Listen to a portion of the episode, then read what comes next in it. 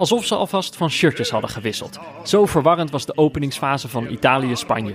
Tot deze wedstrijd was het saaie Spanje nog de vijand van een neutrale kijker en het sympathieke Italië nog de grote vriend. Maar zo blijkt dat je nooit te loyaal of vooringenomen moet zijn. Iedere wedstrijd heeft een eigen wil. Je kon niet anders dan de Spaanse aanvalsdrang waarderen en een beetje schamper lachen om het Italië dat na een paar wedstrijden aanvallen besloten had om het toch gewoon maar weer op de Italiaanse manier te proberen. Het houdt je scherp. Een wedstrijd lang je sympathie voelen verschuiven. Met wat extra twijfel de finale in. En de neutrale kijker weet dan dat hij stiekem al gewonnen heeft. Jorginho! Italië gaat naar de finale van het Europees kampioenschap. En hij doet het in Jorginho-stijl. Ja, Jordi. Ja, Peter. Uh, de eerste halve finale zit erop. Zeker. Wij komen fris uit de penalties. Fris uit de penalty-serie. Ongeschonden er doorheen gekomen. Een loterij gezien. Een loterij gezien. Uh, ja, het kan beide kanten opvallen. Veel spanning gevoeld. Uh, Zometeen duiken we natuurlijk de wedstrijd in. Uh, maar daarvoor hadden we nog wat huishoudelijke mededelingen. Ja, ik heb, ik heb vooral een, een hele, hele rit. ik had na de beste neutrale kijkersdag ooit ja, dat ik zeg van... Uh, de dubbele 3-3. Ja, met de adrenaline van de volgende ochtend moesten we, moest, moesten we elkaar belonen. En daar had ik een shirtje van de halve finalisten naar keuze of kwartfinalisten, weet ik. Weet nee, ik van de spelende ploegen op die dag geloof oh, van de spelende ploegen op die dag inderdaad. Een shirtje naar keuze uh, aan de mensen die... Uh, onze show wilden delen op, mm -hmm. hun, op hun kanaal. Ik Je had een ouderwetse winnaarsactie. Ja, ik hoop dan dat het een beetje op, uh, op, op wat ludieke social media platformen, misschien platformen die ik niet ken of iemand die het op zijn LinkedIn zet of zo, weet je. Maar het, het bleef wel allemaal een beetje veilig, een beetje traditioneel. Nog steeds niet viral op TikTok. Nee, nee, ook dat niet. Dat zou nog wel, zeg maar, een soort... Uh... Als iemand een dansje doet op een aflevering van een uur, ik denk wel dat het, uh, dat het de aandacht zou trekken. Tachanka. Ja, een, goed, een goed TikTok-dansje op Tachanka? Zou dat nog het ultieme ultieme afscheidscadeau zijn aan ons, van de luisteraar. Iemand die bij de, bij de kapper een TikTok-filmpje... maar, maar over loterijen gesproken, jij ging een shirtje... Ja, ja, ja, en dat was... Uh, uh, er werd gretig aan deel uh, genomen. En mm -hmm. uiteindelijk heb ik samen met de notaris warme balletjes, koude balletjes... is er een winnaar uitgekomen en dat is Eswin Herdic. Ja. Eswin ik zeg altijd tegen mensen: DM mij, mijn DM staan open. Ik heb alle instellingen drie keer geklikt, maar het is nog steeds volgens mij niet. Dus tweet mij dat je me wilt DM'en, dan DM ik jou en dan kan je met mij in gesprek. En dan komen we daar samen helemaal uit. Dan wil ik nog heel even een kleine shout-out geven aan, aan Guido. Want, uh, Wie is Guido? Nou, zoals je weet ben ik de afgelopen drie dagen naarstig op zoek geweest naar drie mensen die een shirt hadden besteld. Ja. Maar met een andere naam of eentje die niet helemaal overeenkomt of die niet te herleiden was. Uh, daar heb ik er één van gevonden. Mm -hmm. Eentje is nog spoorloos. En ik denk uh, van die twee mensen die overbleven, heb ik vandaag het geld terug retour geboekt. Mm -hmm. Dus ik denk dat dat een eye-opener was voor Guido. En het is jammer dat hij gewoon heel weinig op social media zit. Want hij heeft zowel een Twitter-account als een Instagram-account.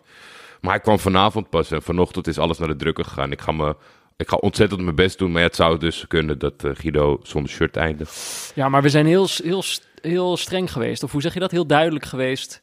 Ja. Uh, over uh, wat, ja. de, wat, de, voorwaarden waren voor dit Ja, en het is ook gewoon, het is gewoon een les voor alle luisteraars. Dat als je iets bestelt, pak gewoon even je rust. Vul alle velden goed in. zodat er geen, weet je, ik heb, ik heb zeker, nou, een, een derde is te veel. Een vijfde van alle bestellingen heb ik de mensen moeten zeggen van... Oh, doe maar even je naam en je adres. Dat is wel handig als je een shirt koopt. Ja. Dus ja, nou ja... Terwijl je had zo'n mooi formuliertje gemaakt. Ja, toch? Het was op zich wel duidelijk. Maar het is dus nu allemaal naar de drukker. Het is dus nu allemaal naar de drukker. As we en, speak. Dat is, uh, dat is textieldrukkerij Eyecatcher te Haarlem. en uh, ja, ik wilde toch eigenlijk... Na vanochtend ben ik natuurlijk heel veel in contact met ze even geweest. was Mhm. het piekmoment. alles was afgerond, netjes door mij uitgezocht. Per maat doorgegeven. En nou, moest een beetje heen en weer... We moesten nog uh, uh, illustraties in bepaalde vormen. Dus daar Barry Pirofano sprong daar natuurlijk fantastisch snel bij. En ja, uh, het eerste contact was met Tessa en later, later op de dag en, en eigenlijk vandaag de hele ochtend met René. En ik kan niet anders zeggen dat ze... Vak, vaklui. Vaklui. super service qua snelheid. En nu schijnen ze ook nog wat wonderen te gaan verrichten. Denk ik dat als ze dit nu horen met hoe snel ze het gaan drukken. maar dat is ook nog misschien wel iets. Ik denk niet, ik weet niet of het te maken heeft met, met onze order. Maar ik ben ze gaan volgen op social media. Mhm. En hun eerste post Je na... bent textieldrukkerij Eyecatcher gaan volgen op sociale media. Ja, en hun eerste Zit ze ook op TikTok? Dat weet ik niet. Ik denk het wel, want dat kan bijna niet anders in 2021. Maar hun eerste post sinds ik ze volg was... Vanwege, ons, vanwege intense drukte zijn wij op zoek naar mankracht. dus ze zoeken mensen die daar eh, willen gaan werken. Ik- Ja, ik, ik hoop niet dat wij daar heel veel invloed hebben Ik gehad. hoop niet dat ze al die shirtjes met de hand, eh, met de hand maken. Nee, nee, ik hoop dat zij wel het een en ander hebben geautomatiseerd ten opzichte van mij. Maar eh, ja, als je dus op zoek bent eh, naar drukwerk, eh, dan moet je zeker zijn bij textiel, Ja, of- drukkerij, Eyecatcher. Ja, drukwerk in, in, in de dubbele zin van het woord. Want ze zoeken dus nog vakantiekrachten. Ja, Dus nee, als jij, als jij nu zit te luisteren en je denkt, sure, ik heb weer weinig te doen vandaag. Bel ze op. Ja. Ga er aan de slag. ja, textieldrukkerij Eyecatcher in Haarlem. Ja. Daar, daar moet je wezen. Daar moet je Mag ik dan nog één kleine shout-out doen? Ja? Shout-out naar loodgieter Kas. Oké. die, die heeft eh, vandaag... eh, onze onderbuurvrouw had, eh, had lekkage, dus die, die belde Dat gisteren beter opeens... dan je bovenburen. Precies, heb ik niet. dus dat, is, dat was sowieso... Daar was ik op dat moment achtergekomen dat ik bovenburen had. Dat was al helemaal... Had zij lekkage door jullie? Nou, dat was dus de eerste vraag. Zij kwam bij ons en zegt, ik heb lekkage. Maar het zat, kwam dus niet echt door ons. Het was gewoon Hmm. een, een leiding tussen onze huizen in. Ja. Dus ja, door wie dat komt, is niet echt te zeggen. Eh, de rekeningen gaan allemaal naar de VVE. Oh, Wij hoeven als huurders eh, daar niet voor te betalen, gelukkig. Eh, maar ja, loodgieter Kas, wat een... het, het ging razendsnel. Het was, het was zo gefixt. Een jongen die niet... hij doet het lekker snel, laat ik het zo zeggen. ja, het haast. ja, nou ja, het is geen Pietje precies. Het is gewoon, gewoon het, het, het, het lekker snelle loodgieterswerk. Er is geen lekkage meer, maar niemand heeft water. Hij heeft gewoon de Nou. hoofdkraan dichtgedraaid. De- zeg maar, eh de ontbreken, bij de onderbuurvrouw onder- ontbreekt nog een stukje plafond. Ja, en bij dat ons is een keukenkastje is, eh, is onherstelbaar eh, beschadigd. nou ja, beschadigd. Het is niet zichtbaar. Dus het was gewoon om een beetje bij de leidingen te kunnen. En dit is ook niet, ik bedoel dit niet als, als shade. Geen shade op, eh op loodgieterkas. Komt er een vervolg aan voor herstelwerk aan haar plafond in jullie keukenkastje? Of denk je dat dit hierbij laat? Dat weet ik. Ik weet niet of dat dit, tijdens dit toernooi al gaat, Oké. gaat gebeuren. En ik weet ook niet of een loodgieterkas dat dan moet doen. Hou ons wel op de die- hoogte. Die heeft gewoon die leiding gefixt, weet je wel? Daar kwam hij voor. Precies. Dus eh shout-out naar hem. Eh, normaal moeten we dan natuurlijk nog wat dingen rechtzetten van de aflevering hiervoor. Maar er is een trend gedurende dit toernooi, Jordi. Wij worden op een of andere manier, meer, een of andere manier niet meer gerectificeerd. Ik weet niet, waarschijnlijk omdat we... Niks fout doen. Nee, dat is optie 1. optie 2 is dat we gewoon... eh, weet je wel, dat je eigenlijk altijd door de mangel wordt gehaald als je het probeert. Dus dat mensen ook denken, ik doe het niet meer. En dan worden toch de kansen gegrepen op het moment dat wij gasten uitnodigen. Die, moment, Die hoeven maar één foutje te maken en dan worden ze kapot gemaakt. elk moment van zwakte die wordt, eh, die wordt gepakt. En eh, zo was ook de onafhankelijke luisteraars opgevallen dat Melle, die noemde Wen es passiert een typisch EK-nummer. Zat hij helemaal te glunderen, dat is echt EK Ja, voor Daar mij. krijg ik echt EK-gevoel bij. Dit was echter de NOS-compilatiemuziek van het WK 2006 in Duitsland. Kan natuurlijk, kan natuurlijk nog steeds dat Melle er een EK-gevoel van krijgt. dat- ja, maar dat, is, dat gevoel, dat is, ja, daar, daar gaan wij niet over. Nee. Maar de feiten zijn dat het nummer waar Mello op doelt, NOS EK 2008 in Oostenrijk en Zwitserland, is Wann niet jetzt, wann da van Sina. Als, eh, als, als deze luisteraar het zegt, dan geloof ik hem. Ik, eh, ik ga er ook gewoon vanuit. Dus eh, ja, nou ja, Melle, eh, Bij deze. bij deze, dit zijn de feiten. En volgende, vo- nee, er komt geen volgende keer. Nou, Of we toen- komen hem vast nog wel eens tegen. Ja, denk dan even twee keer na voor je wat zegt. Mochten, nou kijk, mochten wij deze aflevering nog fouten maken. En mocht jij zo stevig in je schoenen staan dat je durft een rectificatie aan te vragen bij ons, dan kan je die natuurlijk mailen naar neutralekijkers.gmail.com. Eh en dan gaan we gewoon naar de halve finale, Jordi. Italië, Spanje. Eh, we hebben twee rustdagen gehad om er naartoe te leven. Eh, prachtig affiche. Komt ieder EK wel een keertje voor. Eh, Ja. wat je zegt, prachtig affiche. En als je dan al twee dagen halt moet houden, dan is dit wel om naar uit te kijken. Dit Zonder is natuurlijk, denk ik, op voorhand voor de neutrale kijker het duel van de twee duels die op het programma staan. ja. Die andere eh, kan leuk worden. Maar hier, hier, hier verwacht je een bepaalde kwaliteit te zien. Eh, Italië heeft eh, eh, vriend en vijand verbaasd met hun speelplan. Het was natuurlijk wel even afwachten hoe het zou lopen zonder de motor Spinazzola. En Spanje, ja, die...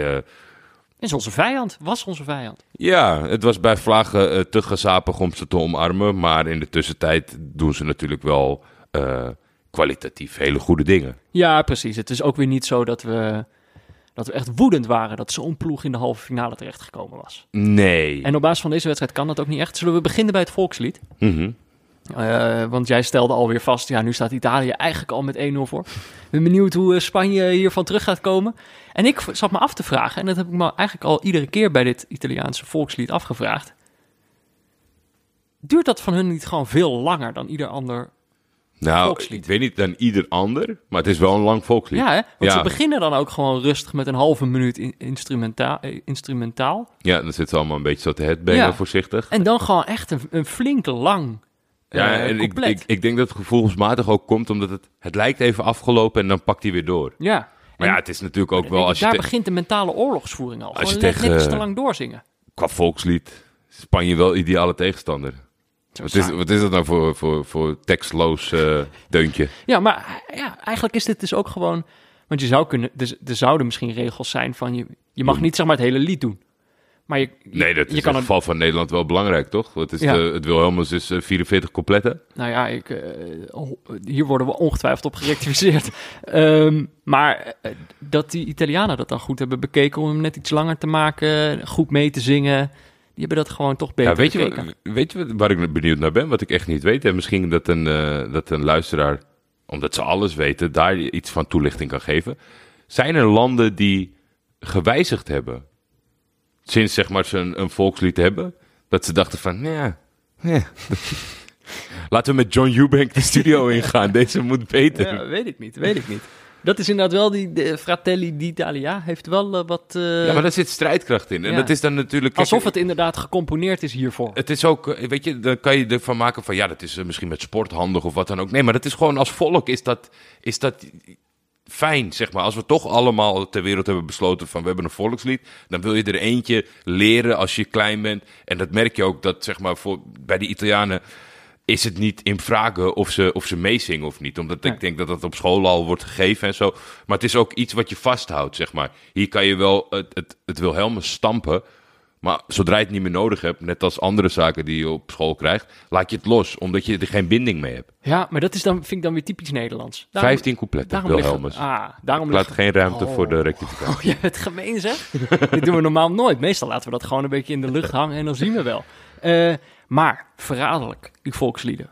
Want eh, je denkt Italië staat met 1-0 voor. Zo speelden ze eigenlijk ook. Nou ja, misschien was het niet verraderlijk, want zo speelden ze namelijk ook. Het was eh, een soort wisseltruc, toch? Ja. Eh, op basis van hoe wij, ik bedoel, misschien hebben we de clichés van tevoren te veel gebruikt. Maar Spanje begon niet saai.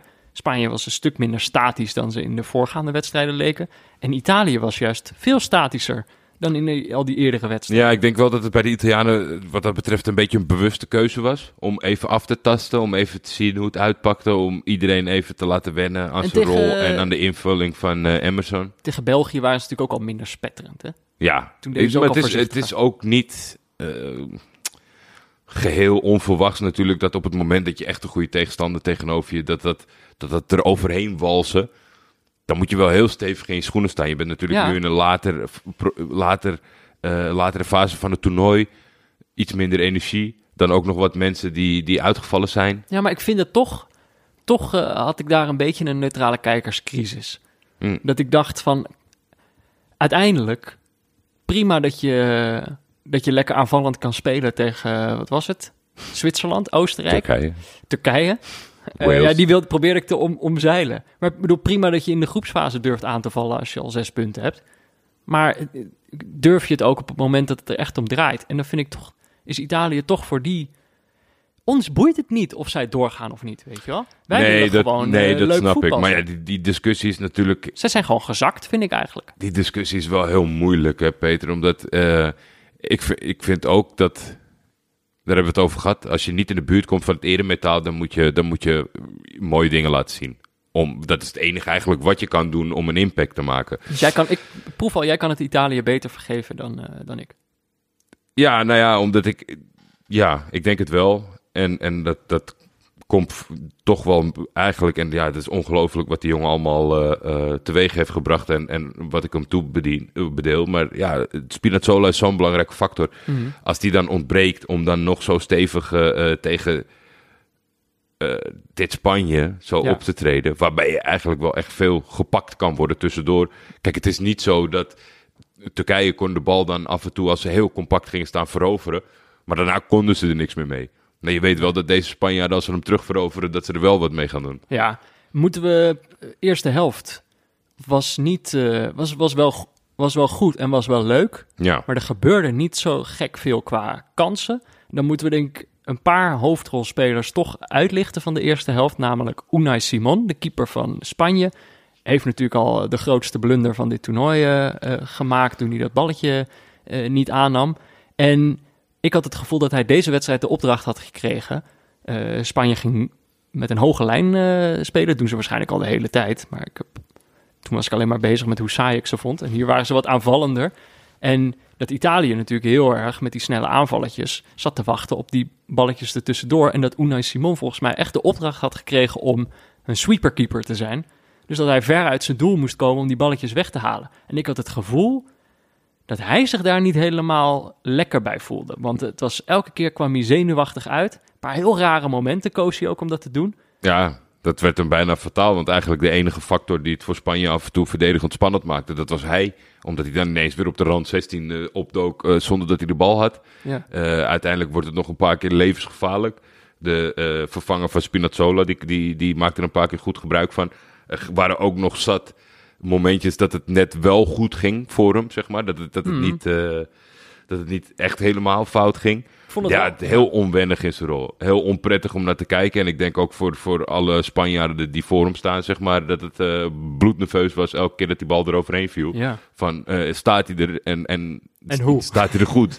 en neemt hij die bal dan wel aan. Ja. Maar dat is natuurlijk, ik vond het wel goed om het een keer op deze manier te zien. Want dat is natuurlijk iets wat we nou de afgelopen tien jaar is dat toch een beetje gemeengoed geworden. Dat, dat keepers dit moeten kunnen. Maar dat het toch alsnog wel een kunst is. Want Neuer is natuurlijk gewoon een, een gek waar je ook flink om kan lachen. Maar die doet het wel altijd met, zo, met zo'n overtuiging eh, dat het werkt. Terwijl hier eh, haal je jezelf misschien ook een soort, eh, weet niet, een soort bibberen op de hals. Waar ik in die eerste helft nog wel bang voor was, is dat natuurlijk, het ging voor de wedstrijd veel over geen spits bij Spanje. Ja, En dat ze dan, dat het... ja dit was maar- de oplossing voor het spitsenprobleem. Ja. Gewoon geen spits opstellen. Ja, dat is op zich, vind ik, niet gek gedacht. Dat als je geen goede spits hebt, dat je het dan maar ook niet gaat proberen. Nee. Eh, Maar omdat het zo goed uitpakte voor ze en dat ze eigenlijk de bovenliggende partij waren en ook nog eh, redelijk eh, tempo hielden, attractief speelden. Dat is wel echt, zeg maar, zo de ultieme dolk voor de neutrale kijker. Dat het saaie Spanje zonder spits ook nog, zeg maar, gaat draaien. Ja, maar ik, Ik denk- hou gewoon niet van opstellingen zonder spits. En Oh. dat klinkt heel gek, omdat mensen die naar mijn Twitch hebben gekeken, dat, daar speelde ik altijd een tactiek van iemand die heet Strikerless. Ja, Ja, jij stelde nooit spits op. nee, Nou, maar in het echt haat ik het. Ja, nou, ik moet zeggen, ik, ik had het idee dat Spanje daar eh, wel leuker van werd. Uh, Oyarzabal was een van de, de spelers die eh, daarvan profiteerde, van het niet opstellen van een spits. Ook een hoofdrolspeler in de eerste helft, namelijk een schitterende aanval van Spanje, zoals er wel meer waren. Voorin was het dan vaak wat slordig. En dat bleek ook uit deze actie. Hij krijgt hem op een gegeven moment eh, voor de voeten na een mooie combinatie en hij schiet die bal gewoon ja, volledig uit beeld. Maar ik denk voor je gevoel uit Wembley. Dat ik al het idee dat die bal dan op, bovenop het dak van het ouderlijk huis van Sterling is, eh, is neerge, neergeploft. Die moeten weer een tattoo bijzetten. die bal erbij. maar, Ja, ja, ja Oyarzabal, dat moment, dat, eh, dat deed mij heel erg denken aan, eh, aan, aan Timo Werner. Die op een gegeven moment ook een fantastische Oh ja. bal kreeg. En, de- en dat hij een kilometer van zijn voet afsprong. En dat zijn van die momenten, zeg maar, dat je toch, ja, met alle goede bedoelingen. Sommige spelers komen gewoon net tekort, zeg maar. Want je- weet je, je kan je dag niet hebben. Het kan ook zo zijn dat, eh, weet, ik, weet je, maar het, als Lukaku er niet lekker in zit, dan betekent het niet dat hij ineens dat soort fouten maakt. Zeg maar dat het, nee. dat het gat zo nee, groot ik vind is. zo'n Oyarzabal is precies een voorbeeld van... Spanje heeft gewoon ooit veel betere aanvallers gehad, volgens mij. Ja, dat is, dat is wel een feit, ja. Ehm, Emerson, jij noemde hem al. Of jij noemde hem de, de vervanger van Spinazzola. Dat is ook, hij kon het waarschijnlijk deze wedstrijd ook sowieso niet goed doen. Nee. Uh, maar hij schoot wel vlak voor rust nog de bal op de lat. En een andere hoofd, hoofdrolspeler van de uh, eerste helft vond ik uh, de Italiaanse handjes. Veel handjes? Veel handjes. Ja, het is natuurlijk heel bekend. Ik kan hem, ja, kan hem voordoen, dat horen jullie niet. Maar veel Italiaanse handjes had ik gezien. Dus toen dan voel je al wel weer dat Italië meer ging spelen zoals Italië speelt. We hebben eerder gezegd van het is heel leuk, maar het is niet heel Italiaans. Dit was heel Italiaans. Ja, het is toch ook wel een beetje, denk ik, dat je in paniek terugvalt op, de, op, op hetgeen Mm. wat je het meest eigen is. Dat, dat we dat goed hebben, dat we dat steeds beter zien bij Italië. Ja. Ze gaan nu uh, zometeen natuurlijk een finale spelen. Dat, dat, dat misschien dat het totaal onherkenbaar is naar wat we in de groepsfase hebben gezien. Kijk, het, het, het ebt een beetje weg. Mhm. Maar het zou zomaar kunnen, nu het echt straks om de pegels gaat, dat we gewoon... Ja, weet ik veel, dat ze ook gewoon met, misschien wel met vijf of zes man achterin gaan Ja, spelen. Dat we alleen maar die Met- handjes. Met één spits diep waar ze op pompen. Eh, nee, ja, zo bond zal het niet worden. Maar ja, ja, Italië was goed Italiaans aan het spelen. eh, toch, na een uur, toch een, een glimp van eh, sympathie voor de Italianen. Toch een hele mooie aanval. Ja, Chiesa die hem binnenschiet, de 1-0. Eh, ja, ik denk de, de aanval kunnen we omschrijven. Het is gewoon een, hele snelle omschakeling. Donnarumma die hem eh, onmiddellijk uitgooit. De bal die meteen diep gaat. Ja, maar dat was schitterend, hè? Dat de, detail van Donnarumma, dat hij zoveel tempo maakte, dat hij zijn bal soort van na moest lopen buiten de 16. Dus die eindigde een soort van 20 meter voor de 16 meter, omdat hij gewoon nog in die beweging zat om die aanval maar snel op gang te krijgen. En daarna een heel mooie bal op Immobile. Ja, die net te hard was voor zijn snelheid, maar het was super belangrijk dat het, en dat, dat, zie ik toch ook wel graag, dat niet de spits denkt, weet je, een Cristiano Ronaldo die naar zijn voeten gaat wijzen van, jongens, Ja, ja. in mijn voeten. Gewoon blijven gaan. Hij bleef gaan, Toch waardoor... echt de Italiaanse Dirk Kuyt. Waardoor, eh, waardoor zijn tegenstander, eh, eh, de verdediger, een, een tackle moest inzetten. En die tackle belandt voor de voeten van Chiesa. En die is ja, zeer behendigd. Kap draait. Aan de, aan de an- achterkant schiet. Ja, weet je, hij schiet hem keihard binnen in de verre hoek. En je ziet Insigne erachter in het shot zie je huilen. Mhm. Want dit was natuurlijk de ideale tiro a giro geweest. maar die begint maar ja, te god, hard voor. godzijdank voor de Italianen koos, koos eh, Chiesa voor wat power in zijn schot. Zo, maar die... je kunt wel stellen dat die zich heeft laten zien op het, eh, op het hoogste toneel. Ja, ik zei tegen jou tijdens de wedstrijd dat ik, ik vind het altijd wel mooi iemand die zich erin vecht. Ik vind dat in zo'n toernooivorm toch wel iets, iets moois. Kijk, iemand kan opstaan als zijn de ster en dat blijven. Maar ik vind toch, als je toch een beetje uit die, uit die hoek moet komen en jezelf laten zien. Hij heeft Berardi eruit gespeeld. Ja, hij heeft Berardi er absoluut uitgespeeld. Met eh, eh, een paar keer een goede invalbeurt. Toen het doelpunt, het belangrijke doelpunt. En toen kreeg hij zijn basisplekje. En ik vind dat toch wel mooi. Later in de wedstrijd is deze jongen helemaal op. En Ja. ook, ja, weet je, het slaat nergens op waarom je dat mooi kan vinden. Maar ik, ja, ik vind dat schitterend. Er is, ehm, nou, daar komen we zo nog wel even op terug Ja. als, het, eh, als het zover is. Ja, de, de slijtageslag komen we straks nog. Want dat het een slijtageslag wordt, dat heeft te maken met eh, Een ja. invaller. een invaller. Want uiteindelijk, ja, dan sta je achter. En dan eh, ook paniek. Laat je ook je ware aard zien. Toch maar weer spitsen opstellen. Zowel Morata als Moreno eh, valt in. Dus dan heb je ook het spitsenprobleem opgelost. Dan stel je ze gewoon allebei op. En het is Morata in een mooie combinatie. Ik geloof met Olmo. Die bal gaat gewoon eigenlijk dwars door de Italiaanse verdediging heen. Hij gaat in zijn eentje op de, op de keeper af. En nou ja, dat kan je dan wel weer aan Morata overlaten. Belangrijke doelpunten kun je sowieso wel aan hem Ja, overlaten. dat is zo raar, hè? Dat is zo raar van deze jongen. Dat je maar zit te kijken van, is dit nou een goede spits? Is dit geen goede spits? En elke keer als je hem afschrijft, dan, dan, dan geeft een trainer hem zijn moment. Ja, of hij pakt zelf dat moment, toch? Ja, oké, maar het is toch wel dat eh, ondanks die ene goal die hij tegen de touw schoot... Oké, die wedstrijd daarna laat hij het weer niet zien. Op een gegeven moment kan de trainer ook zeggen van... weet je wat, eh, we doen het zonder spits en misschien hoef je ook niet in te vallen. Dus wat dat betreft krijgt hij toch steeds altijd... na tegenvallende prestaties weer een kansje van een trainer. En eigenlijk moet je hem alleen nog maar in nood opstellen, denk ik. Want hij doet dit fantastisch, valt niks op aan te merken. Schitterende goal. Hele belangrijke goal natuurlijk voor Spanje, 10 minuten voor tijd. En dit is denk ik uiteindelijk, hoe gek het ook klinkt, eigenlijk de, de redding voor de Italianen. Want ik denk, als wij hadden moeten kijken naar wat zij in het laatste kwartier waren gaan doen, dat niemand meer van ze had gehouden in de finale. Ze stonden op het punt. Donnarumma deed volgens mij alle keer een minuut over een doeltrap. Ze stonden echt op het punt om al onze sympathie door de play te spoelen. Eh, maar ja, nu Ja, moesten nou, ze dus nou, nog een hele verlenging. Bij mij gebeurde dat even goed rondom deze 1-1. En dat had niet te maken met de man op het veld, maar op de tribune. Op een gegeven moment, ja, weet je, ik had jou al een paar keer laten vallen dat ik, ik heb echt een hekel wat de automatische reacties is van veel mensen op de tribune. Jordi kan door één ding, kan ik tegen onze luisteraars zeggen, echt getriggerd worden. en dat is het volgende.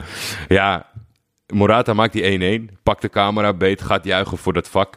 De, de regisseur gaat op zoek naar tribuneshots, zoekt een balende Italiaan. Hij heeft net in de halve finale de 1-1 te verwerken gekregen. In een wedstrijd waar ze de onderliggende partij zijn, met nog 10 minuten te gaan. Waarin de ploeg aan een slijtageslag is onderheven. Wat doet deze man? Gaat lachen naar de camera. Die gaat, nou, ja, ik, ik, ik weet niet in wat voor universum we leven. Ik heb vandaag prijzen van, voorbij zien komen van tickets op Wembley. Eh, er zijn allerlei maatregelen. Je, je stelt jezelf bloot aan, aan risico om besmet te raken. Er zijn allerlei facetten dat als je, als je er geen kut om geeft, dat je niet in dat stadion zit. Eh, Je zit helemaal onder met, met smink en in je Italië-shirt en met je Italiaanse vlag. Hoe kan het nou? Ik snap het gewoon niet. Ik snap het echt niet dat je dan jezelf ziet op beeld en dat je denkt, ha, even lachen Maar naar het het, is huis. Hij lacht niet eens naar de camera, hè? Het, wat, het- uiteindelijk is het meest betekenisvolle is dat hij lacht naar zichzelf op het grote scherm in het stadion. Dus hij lacht eh, naar zichzelf. Hij ziet dat hij op beeld is. En op een of andere manier is dat iets wat tegen de, tegen de grote emoties in... kan dat een mens altijd weer blij maken op een scherm Ja, komen. ik, ik, ik krijg daar echt kortsluiting van, omdat ik het gewoon... Weet je, ik, ik, zou, ik zou zo graag in die, in die mans schoenen staan, zeg maar. Dat Turkije in de halve finale stond. En laat ons dan maar die tegen, dat tegendoelpunt krijgen, 10 minuten voor tijd. Maar dat dan je die emotie is om jezelf te zien, dat je dan moet glimlachen of dat je een dansje gaat doen. Echt, ik walg van dat soort mensen. Oké, punt Eh. gemaakt. Maar ik, nu, ik, ik was heel even voor Spanje. Ik, ik schreef ook, mijn- ik heb volgens mij mijn aantekening niet opgeslagen. Ik schreef op dat moment, ik ben voor Spanje. Maar daar kwam ik weer heel snel van terug. Ehm, ja, toen begon de slijtageslag. Ik denk in deze verlenging. Het was, de hele wedstrijd had al iets heel slordigs over zich. En misschien is dat ook wel de fase van het toernooi waarin we terechtgekomen zijn. Gewoon de vermoeidheid eh, treedt in. Hebben weer een hoop spelers op de grond gezeten. Ja, vanaf, vanaf dit moment heb ik een eh, één op één eh, appgesprek onderhouden met Thomas Dijkman. Die voor mij alert was. Ergens in de slotfase van de reguliere speeltijd. Mhm. Ik zeg tegen jou, zag je die Spanjaard die ter aarde stortte en omdat het een tegenaanval werd binnen een seconde, want hij de- iemand greep weer naar zijn gezicht Oh. en hij zei, Jor, ik heb hem even teruggespoeld. Het was, het was hem. Nou, dan wist ik alweer genoeg, maar dit eigenlijk zo, nou ja, met de blessuretijd erbij, de, de, de aankomende 40 minuten was het echt weer de Jordi Alba theatershow die echt ondraaglijk werd op een gegeven hij moment. krijgt zijn verdiende loon zo meteen. Ja, ja, ja. ja. Eh, maar het was inderdaad, kijk, eh, wat we deze verlenging hebben gezien, en vo- voornamelijk in Chiesa, dat was ook waar, jij het, waar je het eerder over had, dat die gast zo leeg is op een gegeven moment, dat je gewoon kan zien dat die gasten hun benen niet meer voelen. Ze lopen dan met een soort houten benen, soort ja. houten benen lopen ze dan over het Ik veld. vond, ik vond dat echt schitterend om te zien, omdat eh, Locatelli was ingevallen. En het is, het is moeilijk om in zo'n wedstrijd in te vallen. Maar eigenlijk het enige wat hij nog probeerde te doen, omdat Spanje kreeg wel steeds meer de... Of die had eigenlijk gedurende de hele verlenging ook weer steeds de, Zeker. de bovenhand. Maar ik zag hem de hele tijd gebaren van... Chiesa, doe maar één stapje naar links, dan pak ik wel jouw man op. En Ja. die was hem de hele tijd aan het coachen van... Ik pak je man, ik pak je man. Chiesa kon niet meer. En Maar dat kwam, ik denk, in de twee, drie minuten... dat de aanvallen van Spanje over zijn kant gingen. Dus over de rechterkant van Spanje. En op een gegeven moment is er een steekbal... die voor Chiesa langs gaat. En weet je, je hebt een beeld bij van dat iemand niet meer kan. Maar Chiesa bewoog niet meer. Die bleef gewoon stilstaan. De- en je hoorde het ook aan Jeroen Elsof dat hij een beetje... Ja, die schrok bijna van... Dat, oh, Chiesa bleef staan. En ja, dat was een levensgevaarlijke kans voor Spanje. En toen werd er gefloten voor de rust van de verlenging. Dat je dacht van, nou, Haal hem er maar uit. haal dat kind eraf. Want die, die, die kan echt niet meer. Hij staat dan ook op dat moment, als ze gaan beginnen aan de tweede helft van de verlenging, Ja. staat Chiesa te praten met Luis Enrique, de bondscoach van Spanje. Ook dat, En- dat de bibliotheek... Wat was het ook? Ja, een bibliothecaris, zei ik. hij heeft, hij heeft, ja, moeten we het toch even over hebben. Geen toch- cargo pants? Toch geen cargo pants, hij had de jeans weer aan. maar toch de modekeuzes van eh, Luis Enrique bl- blijven ons verrassen. Hij had vandaag dus gekozen voor een grijze trui over zijn, over zijn witte overhemd heen. En ik, ja, ik, ik had toch gewoon weer het gevoel dat ik weer eh, op de universiteit was. toch een soort zo'n stoffige academicus. Dat Eh, Chiesa even zijn boeken ging terugbrengen in de rust. ja, dat, dat gevoel eh, had ik. Maar eh, Zijn er wel mooi onder ons, ja. eh, ja, volg- je kon gewoon precies zien dat het ging over van... Jij bent moe, hè? En dat Chiesa zo gebaarde van... Ja, ik ben al tien keer heen en weer gegaan en ik kan niet meer. Maar dit is dan wel weer Italiaans. Chiesa wordt gewoon het veld ingestuurd. Ja, En wordt een halve minuut later pas gewisseld. Omdat het gewoon veel meer tijd kost. tijdwinst, tijdwinst. En dan heb je dan, de man die invult bij Italië. Dat is de man waar je de hele tijd denkt van wie is dat ook weer? Ja, En als je dat gevoel hebt, onherkenbaar. als je dat gevoel hebt bij een man in een Italiaans shirt, dan is het dus altijd Bernardeschi. Ik heb het gevoel, moet ik nou toch bekennen, twee keer gehad. de eerste keer zei ik namelijk tegen Jordi, wie is dit? En ja, jij wist het toen ook niet totdat het eh, in beeld kwam. Maar de tweede keer dat, hij, dat Bernardeschi in beeld kwam, had ik onmiddellijk weer het gevoel, wie is dit? Maar het zijn was gewoon, dezelfde, ging nemen. was gewoon dezelfde gast. Ja, want toen werd het, bevreesd heel even. Je wil gewoon niet dat in de verlenging een goal valt. Als je al zo lang, weet je wel, dit is alweer de zoveelste late verlenging van dit toernooi. Ja. Gun ons dan op zijn minst de penalties. Want dat is toch eigenlijk, denk ik, dit toernooi meer dan ooit ben ik gaan beseffen dat dat ook voor de neutrale kijker gewoon zo'n cadeautje is. Want soms mis je gewoon als neutrale kijker de echte, diepe, eh misselijkmakende spanning Ja, die, en je tij- die, als niet-neutrale kijker tijdens een wedstrijd kan hebben. En- maar tijdens penalties voel ik die nog. het is ook gewoon een garantie daarop. En het is dus altijd gewoon een prettig afsluiten. Want je kan dus ook gewoon een hele vervelende wedstrijd kijken. Een penalty-serie is altijd spannend. Dus dat is altijd een soort van laatste redmiddel om, om met een prettig gevoel eh, Ja. weg te gaan van je televisie. Want het is nooit niet spannend. En ja, dit, dit, ik vond het ook gewoon weer vet. Dan hangt die camera zo achter die spelers. Dus dan zie je ook die, die tribunes waar zij voor staan op dat moment. Dus je staat niet alleen tegenover een keeper, maar ook tegenover eh, duizenden mensen.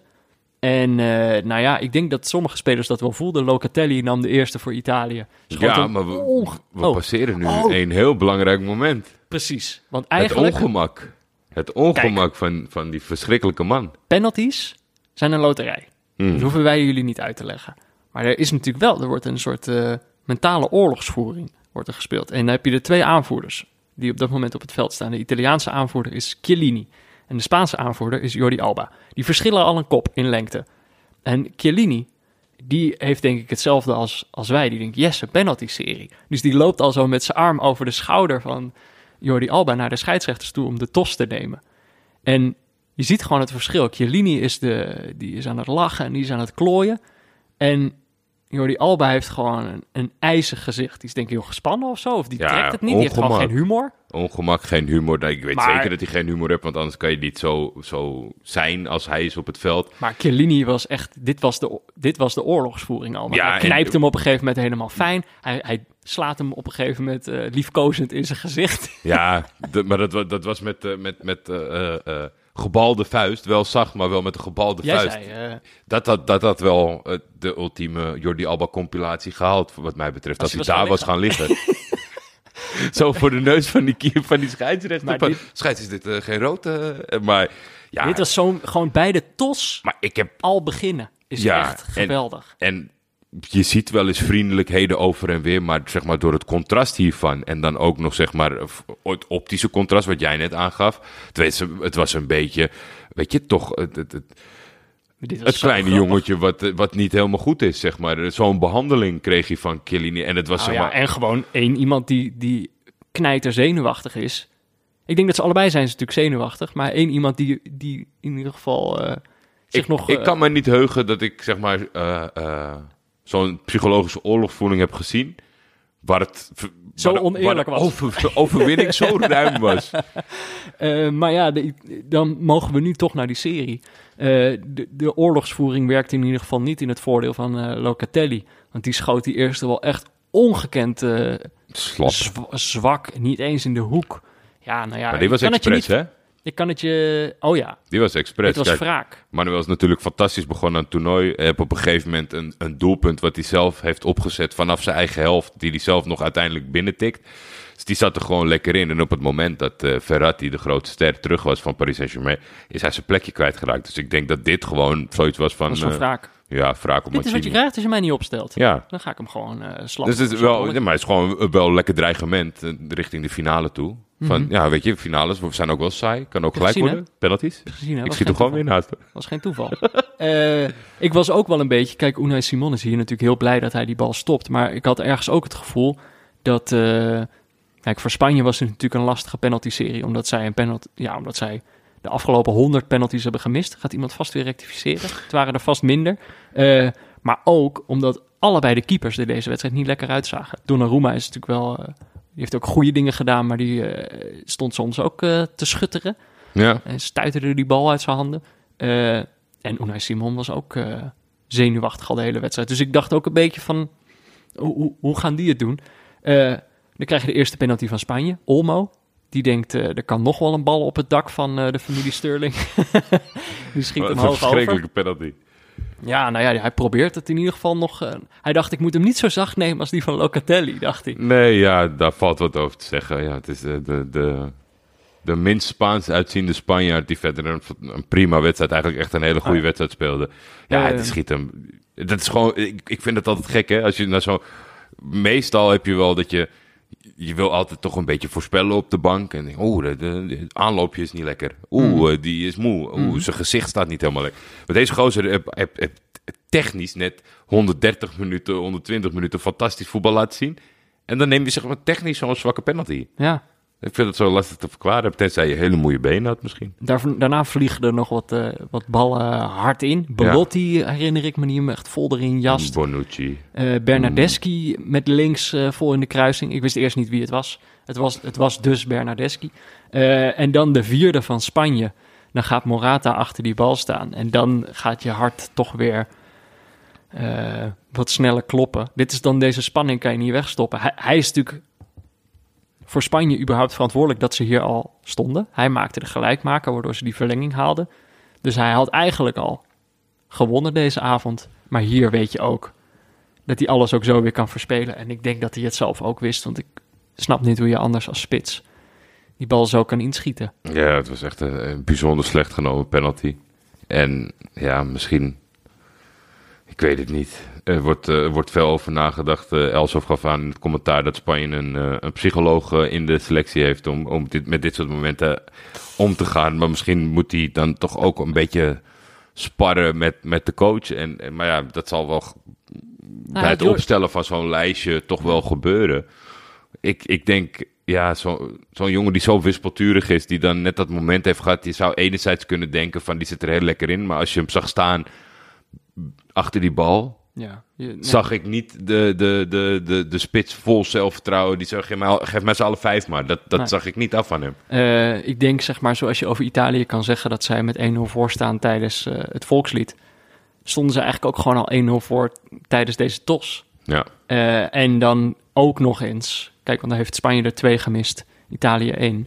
Dus dan mogen zij hun vijfde penalty nemen en als die erin gaat, is het klaar. En dan vraag je heel eventjes af wie gaat hem dan eigenlijk nemen, wie gaat dit dan eigenlijk doen. Chiellini kwam even in beeld, toen dacht ik, oh, dat zou, eh, zou wel leuk zijn. Maar ja, als je ziet dat het Gi- Jorginho is, dan weet je al hoe laat het is. ja het, eh, De huppel, het stomme hupje. het stomme huppeltje. Het Ja, is, zijn, eh, zijn het, is, het ontzettend doeltreffend. En eh Unai Simon die had eh, waarschijnlijk eh, nog nooit gegoogeld op eh, Jorginho penalties. die ging wel heel snel eh, op de knieën. Maar eh, ja, eh, zeer eenvoudig, zonder enige vorm van stress binnengetikt. En eh, toen konden ze de hoek in en gaan juichen met het volk. Toch gerechtigheid voor de neutrale kijker, denk je? Ja, ik denk het wel. Ik, we hebben het natuurlijk veel gehad over, eh, over een, strijd der stijlen. En ondanks dat, eh, dat Spanje vandaag op veel posities goed voor de dag kwam. Eh, het internet raakt niet uitgesproken over Pedri.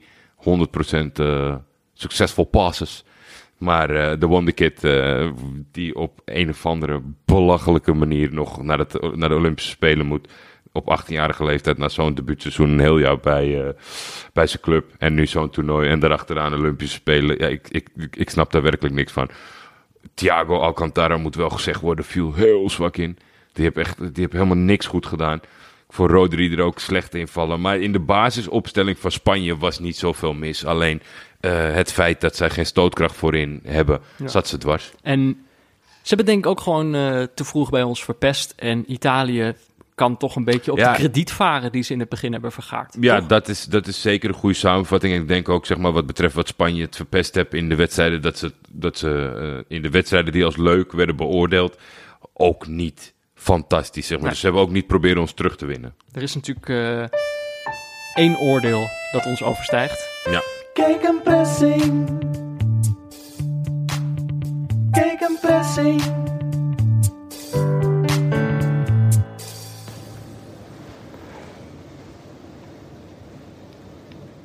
Ik had het vanavond te doen met Luis Enrique. Spanje is dit hele EK achtervolgd door zijn openingswedstrijd. Waardoor een narratief op gang kwam wat niet meer te stoppen leek. Spanje was saai. Italië had het tegenovergestelde. Een openingswedstrijd winnende dit team viel niet meer stuk. Zeker na de 3-0 zege op Zwitserland die volgde. Daarna was het niet zo geweldig meer. Tegen Oostenrijk was een tactische miskleun van de tegenstander nodig. Tegen België werd een helft leuk gespeeld en daarna ouderwets tijd gerekt en verdedigd. Toen Spanje en Italië tegenover elkaar stonden, bleek hoe beeldvorming kan vertekenen. Spanje domineerde vanaf de eerste seconde. Italië beperkte zich nog veel balverlies op de eigen helft, steeds meer tot counteren.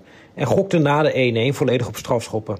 Die serie werd niet gewonnen door het team dat het best gespeeld had en de beste kansen kreeg.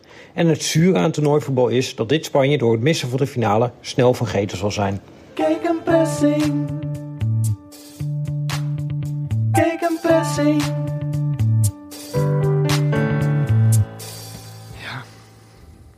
Eh, dan is de eerste finalist bekend, Italië. Morgen wordt natuurlijk eh, de tegenstander in die finale bepaald. Eh, maar voordat we het daarover gaan hebben, eerst even een woordje van onze sponsor.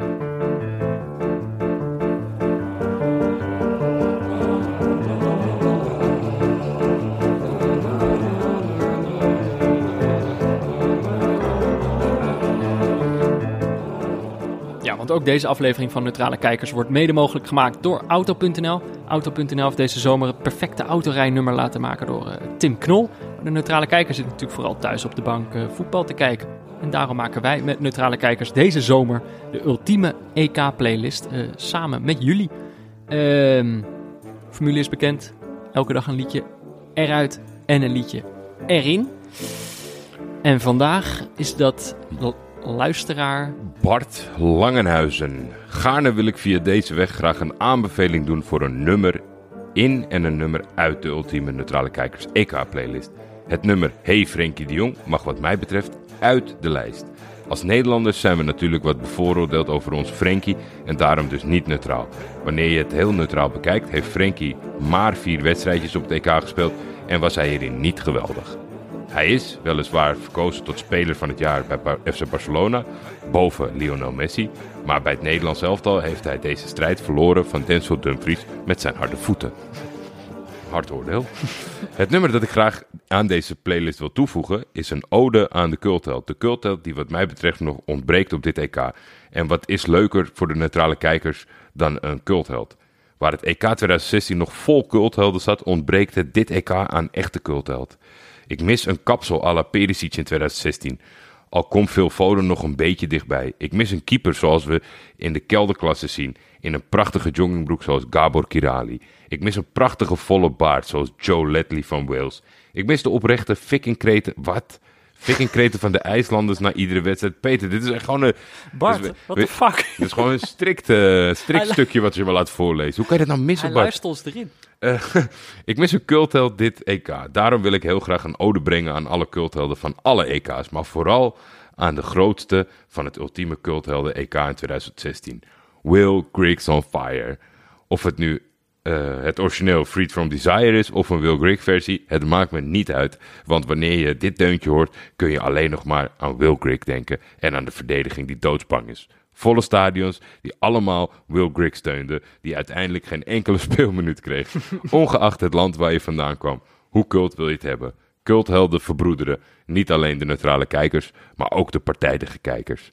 Daarom heel graag Will Griggs on Fire. Nou, super. Doen we de originele of doen we een Will Griggs versie? Ja, staan die op Spotify? Vraag me af. Ja, dat- vast wel. Maar dat, dat moeten we dan even checken. Dat ga ik zeker uitzoeken. Eh, nou, dankjewel Bart. En mocht je, mocht je als luisteraar eh, zelf nog een liedje... Je moet snel zijn, hè? Het toernooi eh, duurt niet lang meer. Ik heb er al gevonden. Is dit Will Grigg? Ja. Dan doen we die toch maar. DJ toch? Kikken en Roy. Want ik ben anders toch bang dat mensen Ja, toch weer over Tadic gaan beginnen. Of elke club heeft natuurlijk weer zijn eigen, zijn eigen tekst erop verzonnen. Prima. Ja, het Deze man niet... doet wel heel erg zijn best om te laten zien dat hij een zanger is. Ehm, nou ja, mocht je als luisteraar dus een liedje erin willen zetten. Je moet, je moet snel zijn, het toernooi is bijna voorbij. Je krijgt niet heel veel kansen Ja, meer om dat te doen. Jij kiest meestal, ja, de, de winnaar is niet het goede woord, maar jij kiest meestal degene die we gaan behandelen. Maar Mhm. daar ga ik de aankomende dagen ook nog even scherp op zijn. Want als er nog één iemand iets flikt over IJslanders positief benoemen, dan komt er echt niet meer in. Eh, nou ja, mo- mocht je iets willen insturen, dan kun je dat doen naar neutralekijkers.gmail.com. Eh en één regel, Tim Knol mag er niet uit. eh, maar ja, daar zijn jullie het al lang mee eens dat het ook niet, niet hoeft. Dus mocht je de hele lijst willen luisteren, de ultieme neutrale kijkers EK-playlist in samenwerking met Auto.nl. beluister hem op Spotify. Spannend moment, Jordi. Zou, Ja, die, zou die slapen of zou die nog wakker zijn? ik, heb het, eh, ik heb het vermoeden dat zijn toestel is uitgeschakeld. Of dat hij in een tunnel zit, of dat hij Hm, gaan, zullen we het even proberen dan? Voor de- is. Ja, voor tuurlijk moet, je moet het altijd proberen. Anders kunnen we gewoon zijn voicemail volbleden. het verlengen. Hij heeft geen voicemail, hè? Nee, weet ik niet. Nee, niet op eh, WhatsApp, denk ik. Dat is toch de manier waarop ik hem bel. Hij heeft mij vandaag ook beschimpt dat ik hem altijd bel. Ja, en het is natuurlijk ook dat verlengen is voor hem gewoon te zwaar. Ja. Dat Gek idee, hè? Dat hij gewoon zit, ligt te slapen nu. Dat het account beheerd wordt door iemand van 70. Dat is ongekend. Dat hij toch nog zo in touch is met die... de vind ik toch knap. Ja, ja, ja. Vind ik toch knap. Nou ja, het is hem, het is hem gegund. Het is Ik denk ook, dat hij een eh, leuk kleinkind heeft. Ja, het is ook al doodmoe aan het einde van de dag. Eh, ja, wat gaan we dan doen, hè? is Moeten wij het erover hebben? Dan moeten we het doen met onze eigen vooruitziende blik. Morgen natuurlijk de halve finale tussen Engeland en Denemarken. Ik hoorde het vandaag, dat vond ik toch, dat voelde heel vies, vond ik. Er zaten natuurlijk vandaag ook in Wembley, zaten ook weer een hoop Engelsmannen op de tribune. Tuig. En er werd It's Coming Home gezongen. Dan denk ik, dat vind ik, dat kan je gewoon niet maken.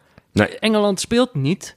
En dan zit je daar dus als neutrale kijker. En dan vind ik, dan moet je gewoon, eh, moet je je openstellen voor de wedstrijd. Niet je eigen feestje gaan bouwen. Ik zag nog wat Italianen langskomen. Of nou ja, nee, niet. Mensen verkleed als Italianen. als pizzabakkers. Toen hadden Ja, wij meteen het gevoel, dit zijn eigenlijk Engelsen. Ja, dat, dat, dat kan je wel met enige zekerheid zeggen. Ik denk dat er, eh, kijk, eh, mensen dossen zich wel eh, op voor dit soort wedstrijden, maar meestal niet in, ja, Niet, ze maken meestal Niet- niet hun eigen land belachelijk. nee, dat je op Amazon gaat doen Italian guy suit. Dus, nou ja, maar morgen zitten ze er allemaal gewoon in English guy suit. In de Ja, lad suit. ik verwacht een, ik, ik, ik voorzie een trend. Oh. Vanaf, vanaf morgen Engelse tranen. Oh, ja, kijk, dit is zo lekker. Het maakt namelijk echt niet meer uit. Als, Nee. ze, als ze de finale halen, dan kan ik denk ik wel genieten van, eh, van het ultieme geluk dat ze op dat moment hebben. En dat ze dan ook echt denken dat het gaat gebeuren. En dat ze dan nog de finale tegen Italië moeten spelen. Dat die ze dan nog uitgerekend, de Italianen, hun dan nog wachten. Ehm, Ja, ik weet maar ik- als ze verliezen, is dat ook prachtig. Dat is als de Denen het doen. Ja, ze hebben natuurlijk wel eh, eh, het vertrouwen tussen de oren bij de Engelsen zit wel goed. Ze hebben nog geen één keer een tegenslag te verwerken gehad. Nee, Dat zal natuurlijk niet eens ook. een eh, doelpunt inderdaad. nee, daarom. Dus, dus wat dat betreft. eh, en ja, dat, harder aan, hè? dat doelpunt, dat, dat, dat, wordt, dat, wordt, eh, dat gaat een beetje leven van dat je geen doelpunt krijgt. Maar kijk, als we morgen 2-0 voorkomen en Denemarken doet de aansluitingstreffer, dan zal er niet zoveel gebeuren met de paniek, zeg maar. Het is maar, het is maar een feitje. Maar als Denemarken 1-0 voorkomt, dat kennen ze natuurlijk niet. En, en hoe houdt Southgate zich dan? Hij heeft helemaal zijn plan. Zijn plan pakt elke keer goed uit. En dan gaat hij lekker spiegelen. Dan gaat hij eh, Sancho brengen, wat een aanvallende wissel lijkt, maar geen aanvallende wissel is. Ik zat gisteren naast Pieter Zwart, dus dit is gewoon gefactcheck. Eh maar ja, ik, wat ik heel erg hoop te zien is eh, toch wel hoe die Engelsen daarmee omgaan. In, in- want bij, bij een finale ga je er van alles en nog wat bij halen. Zeg maar. Als het daar gebeurt, als die Italianen op voorkom- voorsprong komen, eh, dan, heeft het, dan is het verhaal te groot. Zeg maar. maar nu zou je nog echt kunnen zien hoe gaan zij om met, een- met een, Ja. een vroege achterstand bijvoorbeeld. Ja, en wat natuurlijk wel leuk is, is dat die Denen hebben inmiddels toch gedurende het toernooi best wel wat troeven eh, verzameld. Melen is natuurlijk eh, een troef Ja. van die ploeg. Eh, Casper Dolberg heeft zich ontpopt als troef. Ja, dat zal misschien nog wel spannend worden, omdat eh Paulsen is natuurlijk wel weer Mhm. fit genoeg om in te vallen. Maar die is daardoor ook weer een soort troef. ja, die, die, ja, Doordat je niet weet of, of Paulsen gaat spelen of niet. Want die was de vorige keer toen hij inviel, was hij ook meteen gevaarlijk.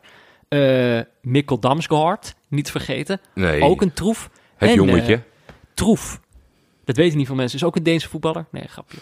Troef Olsen. de, rechts, de rechtsbuiten. Eh, ja, vooral bij die Denen, weet je, mocht dit nou helemaal in hun pulletje vallen en het, het, het, het, eindigt met een soort van eh, zeer onverwachte eh, overwinning. Ja, dan, dan, ik zat te denken, dan is Braithwaite een soort van, Oeh. de Braithwaite is dan een soort van Charisteas zonder doelpunten wordt hij dan dit toernooi, weet je, zo'n talisman, maar dan Hij heeft toch al een keer gescoord? die, ja, heeft hij gescoord? Ja, volgens mij wel. Eentje? Ja. Ja, ja. Charisteas. Charisteas het er meer. Ja, ja. Maar dat je een soort van zo'n iconisch iemand wordt die eigenlijk niet zo goed kan voetballen en het dan nog minder heeft gedaan. Charisteas, dat soort van, dat, dat is het summum van spitsen die niet, die Ja. niks kunnen, die wat gewonnen hebben, zeg maar. Dus daar zie ik hem nog wel voor in de race. En voor de rest, ja, ik, ik denk ook echt, alle verhalen zijn rondom de Engelsen. Die Engelsen focussen alleen op zichzelf. Die, die, die kunnen eigenlijk in hun eigen hoofd niet meer verliezen. Dus die Denen hebben zich ook helemaal nergens om zorgen om te maken. Nee. Die kunnen alleen maar winnen morgen. Eh, dat is uiteindelijk denk ik waar ik als neutrale kijker... wat ik toch het allergaafste zou vinden om te zien...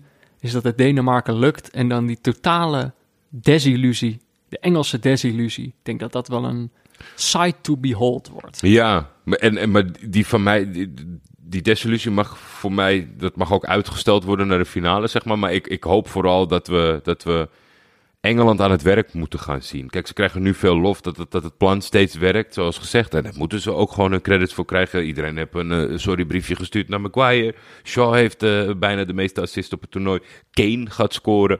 Ja. Dus weet je, er, zijn, er, zijn, er, er is weinig ruimte voor kritiek, behalve opvatting. Maar ja, ik, ik hoop dat we ze even zien, als we ze maar even zien wankelen. Ja. Helemaal wankelen is ook goed, instorten is ook goed, maar als we ze maar even aan het wankelen zien. Maar ik ben zo benieuwd wat deze ploeg dan kan. Eh, en het is natuurlijk nog, als we even kijken naar eh, het verhaal dat wij zelf eh, hebben uitgezet, namelijk het gedurfde voetbal tegen het behoudende voetbal, wat natuurlijk in deze eerste halve finale al een beetje, ja, hoe moet je dat zeggen? Niet uit, niet, Een beetje ja, overhoop is gegooid. Maar op zich zijn niet we- uitkwam. eh, en dat, nou ja, misschien dat in deze wedstrijd eh, Engeland ook een minder behoudende kant van zichzelf kan laten zien. Maar eigenlijk zijn wij al blij omdat Italië in de finale staat en mogen ze hiervan allebei komen. Toch? Ja, zeker. Ik, ik, ik hoop gewoon dat we iets, eh, iets moois te zien krijgen. Yes. En dan zeg ik eh, doelpunt Hooiberg. Oh, en dan moeten wij we moeten, voorspellen. we moeten iets zeggen, hè? Hooibjerg, vind ik wel een leuke. Doelpunt van Hooiberg en rode kaart voor Calvin Phillips. Ik zeg ehm Hattrick Troef Olsen. Eh, nee, even denken. Wat zou, wat zou ik nou leuk vinden? Ehm, Iets met Pickford, nee, kijk, ze, met Schmeichel. ze hebben natuurlijk die, ze hebben een, een hele spitse carousel. Ze, ze hebben allemaal een keertje gespeeld, geloof ik. Dus je hebt Paulsen, je hebt Braithwaite, die speelt eigenlijk altijd wel. Mhm. Eh, je hebt eh, Casper Dolberg.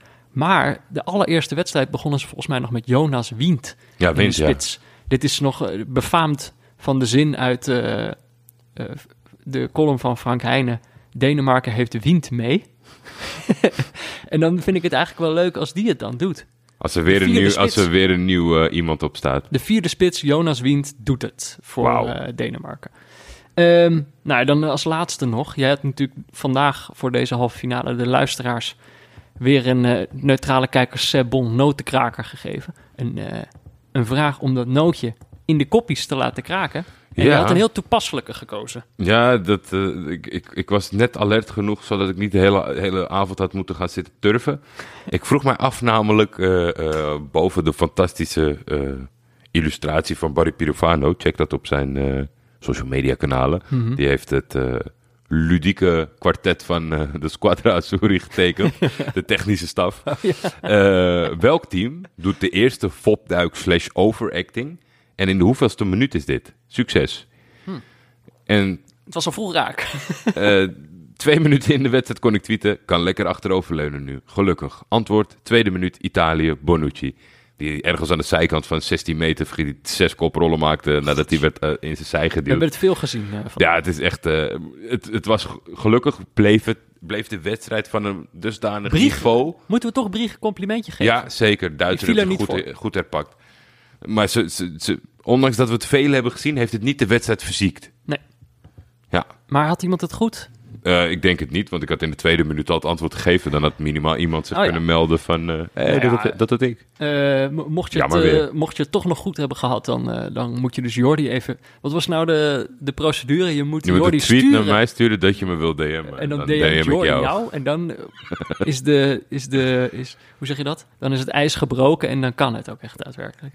Eh, nou, dan zijn we er doorheen, Jordi. Dan gaan wij natuurlijk in, eh, nog even door in eh, niet-neutrale kijkers. Samen Mhm. met onze eh, vrienden van de show. Eh, en voor nu, ja, op naar de finale.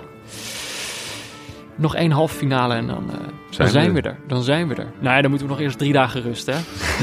Neutrale Kijkers is mede mogelijk gemaakt door Dag en Nacht Media. De hoofdsponsor op de borst is Auto.nl. De muziek is Tachanka van Leon Liesner en Friends. En een adaptatie daarvan van Studio Cloak. De gegenpressing jingle is van Laurens Collet.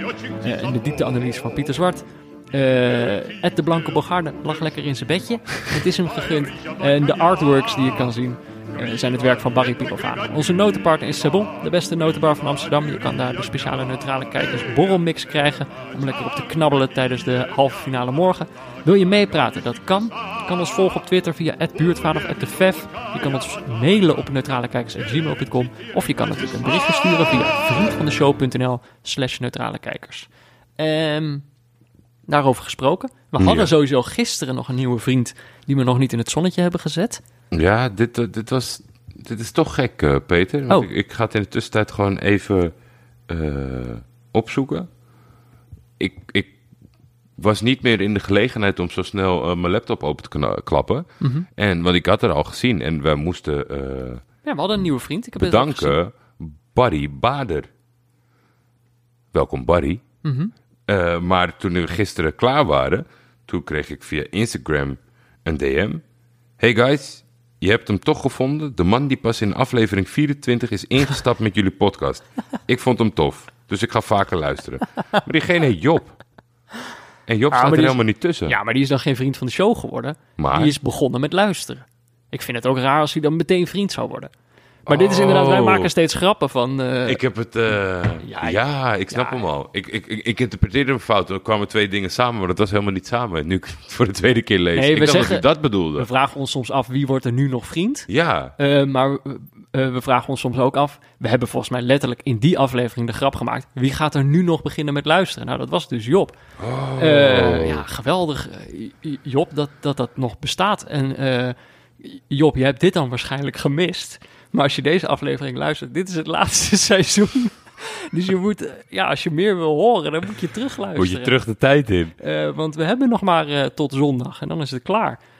Ehm, nou ja, dus al onze vrienden nemen wij mee naar niet-neutrale kijkers. En tot de rest, voor de rest, tot morgen.